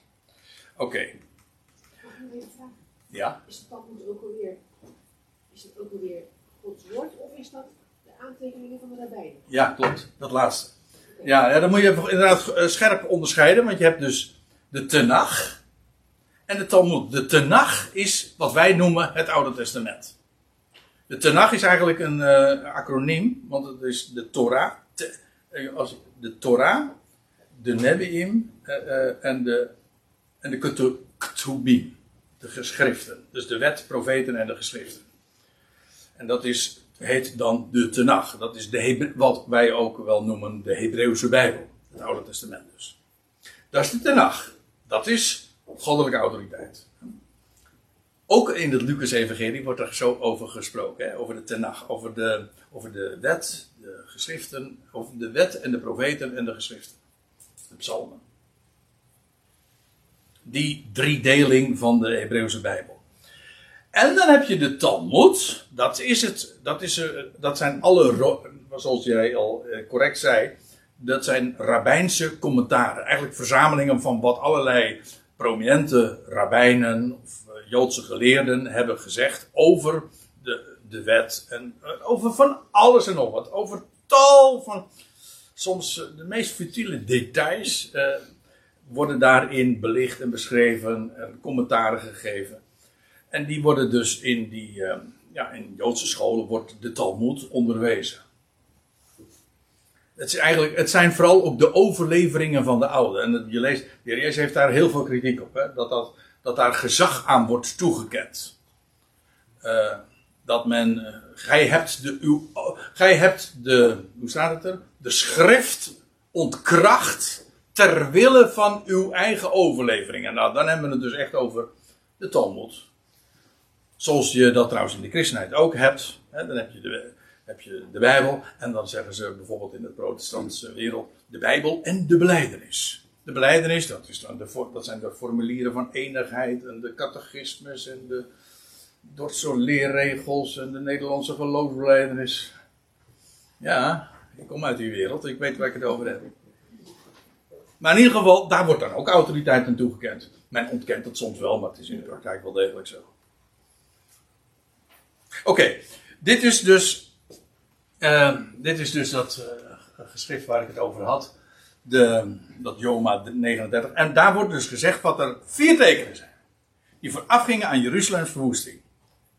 Gedurende 40 jaren. En dan staat eerst de westelijke lamp van de menorah. Want me- menorah stond eh, ingedeeld dus van west naar oost. Die, speciaal eh, gelokaliseerd. Eh, De westelijke lamp van de menorah in het heiligdom ging elke nacht spontaan uit. Gedurende 40 jaren lang. Dat zeggen dus de Joodse, hun eigen geschriften van ja, toen Jeruzalem viel in het jaar 70. Ja, maar er waren al vier voortekenen van merkwaardige fenomenen die al aanvingen 40 jaar eerder. Het licht ging uit. Zou dat toch nou zijn? Hè? Ja. En dan nog, er wordt ook gezegd, kijk dan maar na, elke nacht. En dan ook de westelijke lamp ging uit. Westen heeft te maken met ondergang, hè? Oosten met opgang. Oké, nou, ik weet niet hoe ik hier, hoe ik hier gesitueerd ben, maar oké, hij komt op in het oosten en hij gaat onder in het westen. Maar goed, eh, die westelijke lamp van de menorah ging eh, in het heil- heiligdom elke nacht uit. Het tweede teken. Het lot voor Yahweh op Yom Kippur kwam in de linkerhand van de hoge priester. Dat was niet de bedoeling. Dat is weer een ander. Yom Kippur, dat is de tiende van de Tishri. Dat is eigenlijk de grote dag in, eh, in op de, de, misschien wel de grootste dag in de, Joodse kalender. Yom Kippur, eh, wij noemen dat dan Grote Verzoendag. En wij kennen de term vooral vanwege het feit dat eh, in 1973 ooit de Arabische wereld een oorlog begon tegen de Joodse staat. Dat was de Yom Kippur-oorlog. Uitgerekend op de dag dat Israël absoluut geen arbeid verricht, vonden zij de mooie gelegenheid om Israël aan te vallen. Wat hun duur is komen te staan, maar dat is terzijde. En op Yom Kippur dan werd er, er werden er twee bokken, ge, één, nee, er waren twee bokken. En de ene bok werd geslacht. En de andere bok werd in de woestijn geleid. Dat is de zondebok. We kennen de term allemaal nog wel. Nou, maar welke bok werd nou eh, geslacht? En welke bok zou levend de woestijn worden ingebracht? Nou, daarover werd het lot geworpen. Dat, eh, het loting speelt in de Bijbel altijd een grote rol. Ook als het gaat om het eh, aanwijzen van leidslieden. Dat dat ze. Ik, ik heb gisteren nog zitten. Ik heb gisteren zitten denken. Ik heb vanmorgen met, met mijn jonge zoon een hele discussie, eh, nou gesprek over. Dat zou, de, dat zou een geweldig alternatief zijn voor verkiezingen. Af van. die- Ja, ik ben geen democraat, sorry. Ge- gewoon, je hebt een kandidaat. En Eh, ja, wie zullen we kiezen? Ja, als mensen gaan strijden, dan krijg je ruzie, en gevechten, en, en partijen, en een heleboel gedoe, valse beloftes. En als je God het laat beslissen, want u weet het, hè, bij een lot, wat je eigenlijk doet bij een lot, bij een loting, is van, eh, wij zeggen het niet, we laten het over aan God. Er staat in het boek Spreuken, eh, het lot wordt in de schoot geworpen, maar elke beslissing daarvan is van de Heer. ja, want een mens heeft daar geen invloed op. Dus, eh, nou ja. Zou dat geweldig zijn. Hè? Hè? Ja. Nou ja, maar in feite worden een heleboel dingen eh, toch met lo bij loting uh, beslist. Uh, juries in Amerika. Nee, ik ga, de discussie, ik ga het gesprek niet nog eens herhalen, maar ik, ik vond het erg boeiend. U, hoort het aan mij dat ik nou moeite moet doen om me eventjes in te houden, want ik moet wel bij het onderwerp blijven. het, het ging erover om, het lot werd geworpen. En, maar het lot van Jaweh zou in de rechterhand zijn. En wat gebeurde er? Hoe, hoe, dat precies in zijn werk ging, dat durf ik niet te zeggen. Maar het kwam iedere keer in de linkerhand van de. Maar dat was niet de bedoeling. Het zou rechts. U begrijpt, als het lot voor Jaweh is, dan moet dat rechts. Rechts heeft altijd voorrang. Dat is het Bijbelse principe. In dat... Voor, voor het uh, dat geslacht zou worden? Ja, uh, ja, precies, ja. ja. Ja, wat andere soort voor het volk, ja. En, maar dat kwam in de linkerhand van de hoogpriester. 40 jaar lang. Ja. Ja, ik moet erbij zeggen, dit was elke nacht. Dit is maar één keer per jaar, want dat is alle Yom Kippur, het gebeurt maar één keer op een jaar. Dus dit gebeurde maar 40 keer. Maar als dat 40 keer op rij gebeurt, eh, gedurende zo'n lange periode, vind ik daar toch wel sprake van uitgaan. Zeker als dat in combinatie is met al die andere tekenen. Ik moet er trouwens bij zeggen, dat ben ik natuurlijk, eh, dat heb ik eigenlijk al wel gezegd. Maar dat het, het grootste teken dat in de tempel plaatsvond, in het jaar 30, wordt in dit rijtje nog niet eens genoemd. Namelijk dat het gordijn van de tempel scheurde. Ooit. Maar goed, dat was eenmaal, dat kun je ook zeggen. Het gaat hier over dingen die iedere keer gebeurden.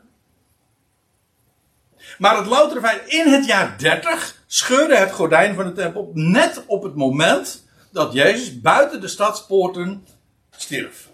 Op dat moment stierf. Uh, en toen, de, toen die Romeinse hoofdman dat zag, toen zag hij op de achtergrond, want bijvoorbeeld als u het mij vraagt op de olijfwerkplaats, toen zag hij op de achtergrond, terwijl Jezus stierf, zag hij het gordijn van de tempel scheuren.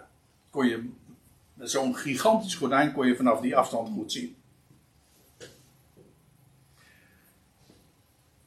Dat was ook het jaar 30. Hoe markant is dat jaar?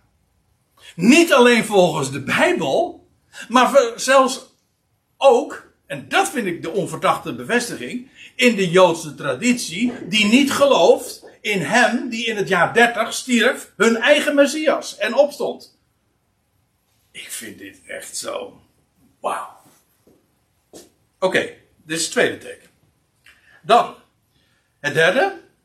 Um, een karmozijnrood draad dat aan de tempel hing, dat kleurde op Yom Kippur niet meer wit. Dat altijd gebeurde dat wel.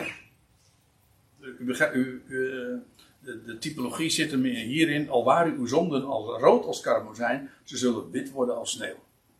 Maar op een of andere manier, ook dat kan ik niet nader toelichten, maar de Joden getuigen ervan, Durende 40 jaar vond dat niet meer plaats. Dat dat, dat, dat draad, dat rood was, eh, dat verkleurde niet naar wit.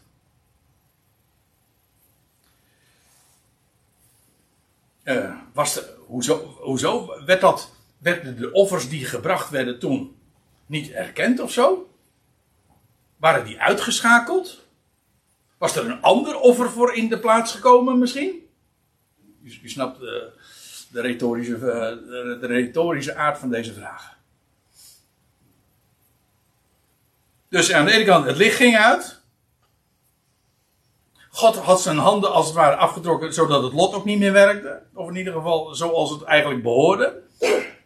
De offerdienst leek eigenlijk uitgeschakeld doordat het niet, eh, daar niet langer de bevestiging was door, dat, eh, door de verkleuring van dat draad. En er was nog iets. Namelijk de grote deuren van de tempel. Eh, dat, dat heet de hikkel. Dat, is. ehm, nou ja, hoe, dat precies in elkaar steekt, dat is wel een, wel apart verhaal. Maar in ieder geval, die grote deuren van die tempel, die werden elke morgen spontaan geopend. Dus ze, men kwam in de tempel, wat zag men? Die deuren, die normaal gesproken gesloten waren, die waren, stonden open. Er, stond, er staat nog bij. Moet je hier dus ergens zien in deze. eh, Dus, eh, onder- oh ja. Ja. Ja, ze, ze openden zichzelf als een teken ja, dat ze spoedig geopend zouden worden door hun vijanden. Nou, ik denk trouwens dat dat hun eigen interpretatie is. Maar laten we het even houden gewoon op bij de observatie aan zich. En namelijk dat de grote deuren van de tempel, die waren elke morgen spontaan geopend. In feite was de weg naar het heiligdom sowieso geopend. Dat was dat gordijn, weet je wel. En dat gebeurde spontaan. Dus, dus men kwam in de tempel en daar waren grote deuren. En die, elke morgen dat men kwam, waren ze, goh, stonden ze open. Gedaan werden. Dat mag ik aannemen, want het, anders zou het. Ja, eh, maar grote deuren plegen zich niet spontaan te openen. Ja, wij kennen dat fenomeen wel van deuren die zo open gaan als je erin gaat, maar u begrijpt, dat fenomeen deed zich toen nog niet voor. Ja, en de Telegraaf heeft ook zoiets van deuren die eh, voor anderen gesloten blijven, die doen wij voor u open. wel. Ja, Die eh, rabbijnen die dat geschreven hebben, die Ja. Talmud, hebben die dat geschreven op basis van eh, de Septuaginta? Of, nee, op, op, op basis waarvan konden die dat schrijven? Nou ja, die hebben, wat hier, in feite wat hier staat in de Talmud, is de- vier observaties. Zij hebben, ze bespreken, dit is dus allemaal eh, opgetekend naar aanleiding van de val van Jeruzalem. En dan zeggen we, ja, maar dat is in het jaar 70 gebeurd. Maar eh, het is niet zo van dat dat een donderslag bij heldere hemel was. Dat is Nadien geschreven, ja. oh. Ja, d- dit is in feite verslag. Dit is in feite verslag van wat rabbijnen in vergadering hebben besproken. eh, naar aanleiding van de val van, de, van, van Jeruzalem. En ze hebben gezegd: van ja, maar dit is niet zomaar gebeurd. Dit, dit deed al 40 jaar eerder. begon dagelijks, of eh, in sommige gevallen dan jaarlijks. iedere keer deze vier tekenen vonden plaats dat zijn dus observaties die de rabbijnen zelf hebben gedaan. En ze hebben zich, en ze hebben zich gebogen over van, wat is hier aan de hand? En, en nou ja, na 40 jaren, toen, toen werd de stad dus verwoest. Maar waar het me uiteraard nu om gaat, we hebben het over de tijdlijn van het Nieuwe Testament. We hebben het over de val van eh, Jeruzalem in het jaar 70, dat is onomstreden.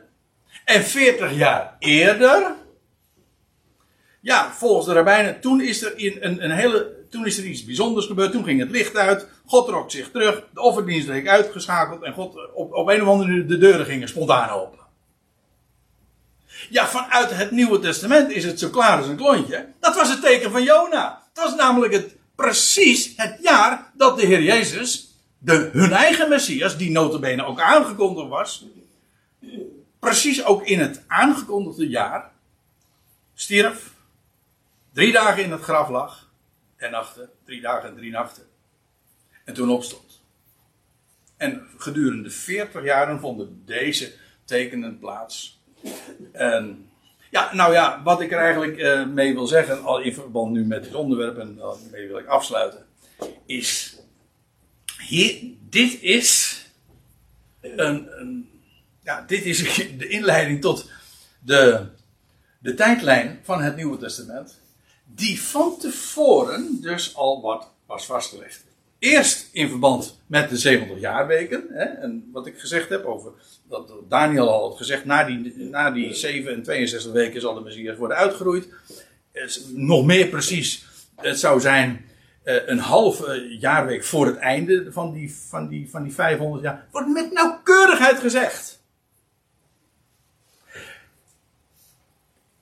Van tevoren. 100, 500 jaar van tevoren. Nou, dat is één. En dan vervolgens het teken van Jona. Over die 40 dagen. Lees 40 jaren. Of in ieder geval het een staat voor het ander. Het teken van Jona dat aan het geslacht van Jeruzalem gegeven zou worden. Alvorens de stad zou worden omgekeerd. Ook dat was van tevoren al gezegd. We hebben het nu dus in feite niet over. Ja, de historie bevestigt het.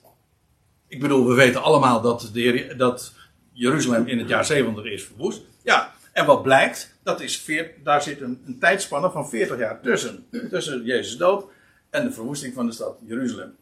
Maar dat, de tijdframe, die we dus vanavond zo hebben besproken, uh, oh ja, het had misschien korter gekund of zo. Nou ja, het, maar er, er, komt zoveel in mee. Het geeft aan dat uh, God op zijn wijze geschiedenis schrijft. En dat doet hij voorzeggend, profetisch. En zo heeft hij al de tijdlijn neergezet ver van tevoren.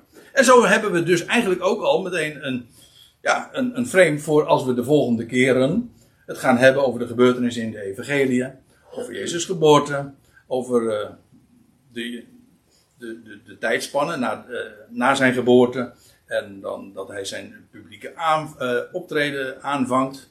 We, zullen, we, moeten het de volgende keer dus ook nog hebben over hoezo 3,5 jaar, waar vinden we daarin bevestiging. En, en, en het boek Handelingen, dat, het boek Handelingen, dat is dus allemaal, uh, dat, dat, dat bevindt zich in, in die 40 jaren. Nou, en wat weten we daar nog meer over? Ik bedoel, tussen Jezus dood en de val van Jeruzalem, ja, daar ligt de, hele beschrijving, de geschiedschrijving van het boek Handelingen. En nog tien jaar daarna trouwens. Uh, wat heeft daar plaatsgevonden? Wat weten we daar nog meer over? En dan zullen we met name ook weer zijn aangewezen op het boek Handelingen, want dat beschrijft met grote nauwkeurigheid ook uh, waar de dingen plaatsvonden en hoe en in welke, in welke setting en onder, uh, onder welke regering, et cetera. Kortom, uh, we hebben nog wel wat te gaan, maar dit, dit leek mij een, een mooie eerste aanzet. En ik hoop dat u wat, wat wijzer geworden bent van, van deze dingen. En, in ieder geval, en niet alleen wijzer en geïnformeerd, maar vooral ook onder met mij onder de indruk bent gekomen van wie God is en de geweldige kracht, power, wijsheid uh, en het goddelijke karakter van de schriften. Als dat, als dat bij u zo, uh, zich zo aandient, die bewondering, dan, uh, dan heeft deze avond rijkelijk zijn doel bereikt, mij.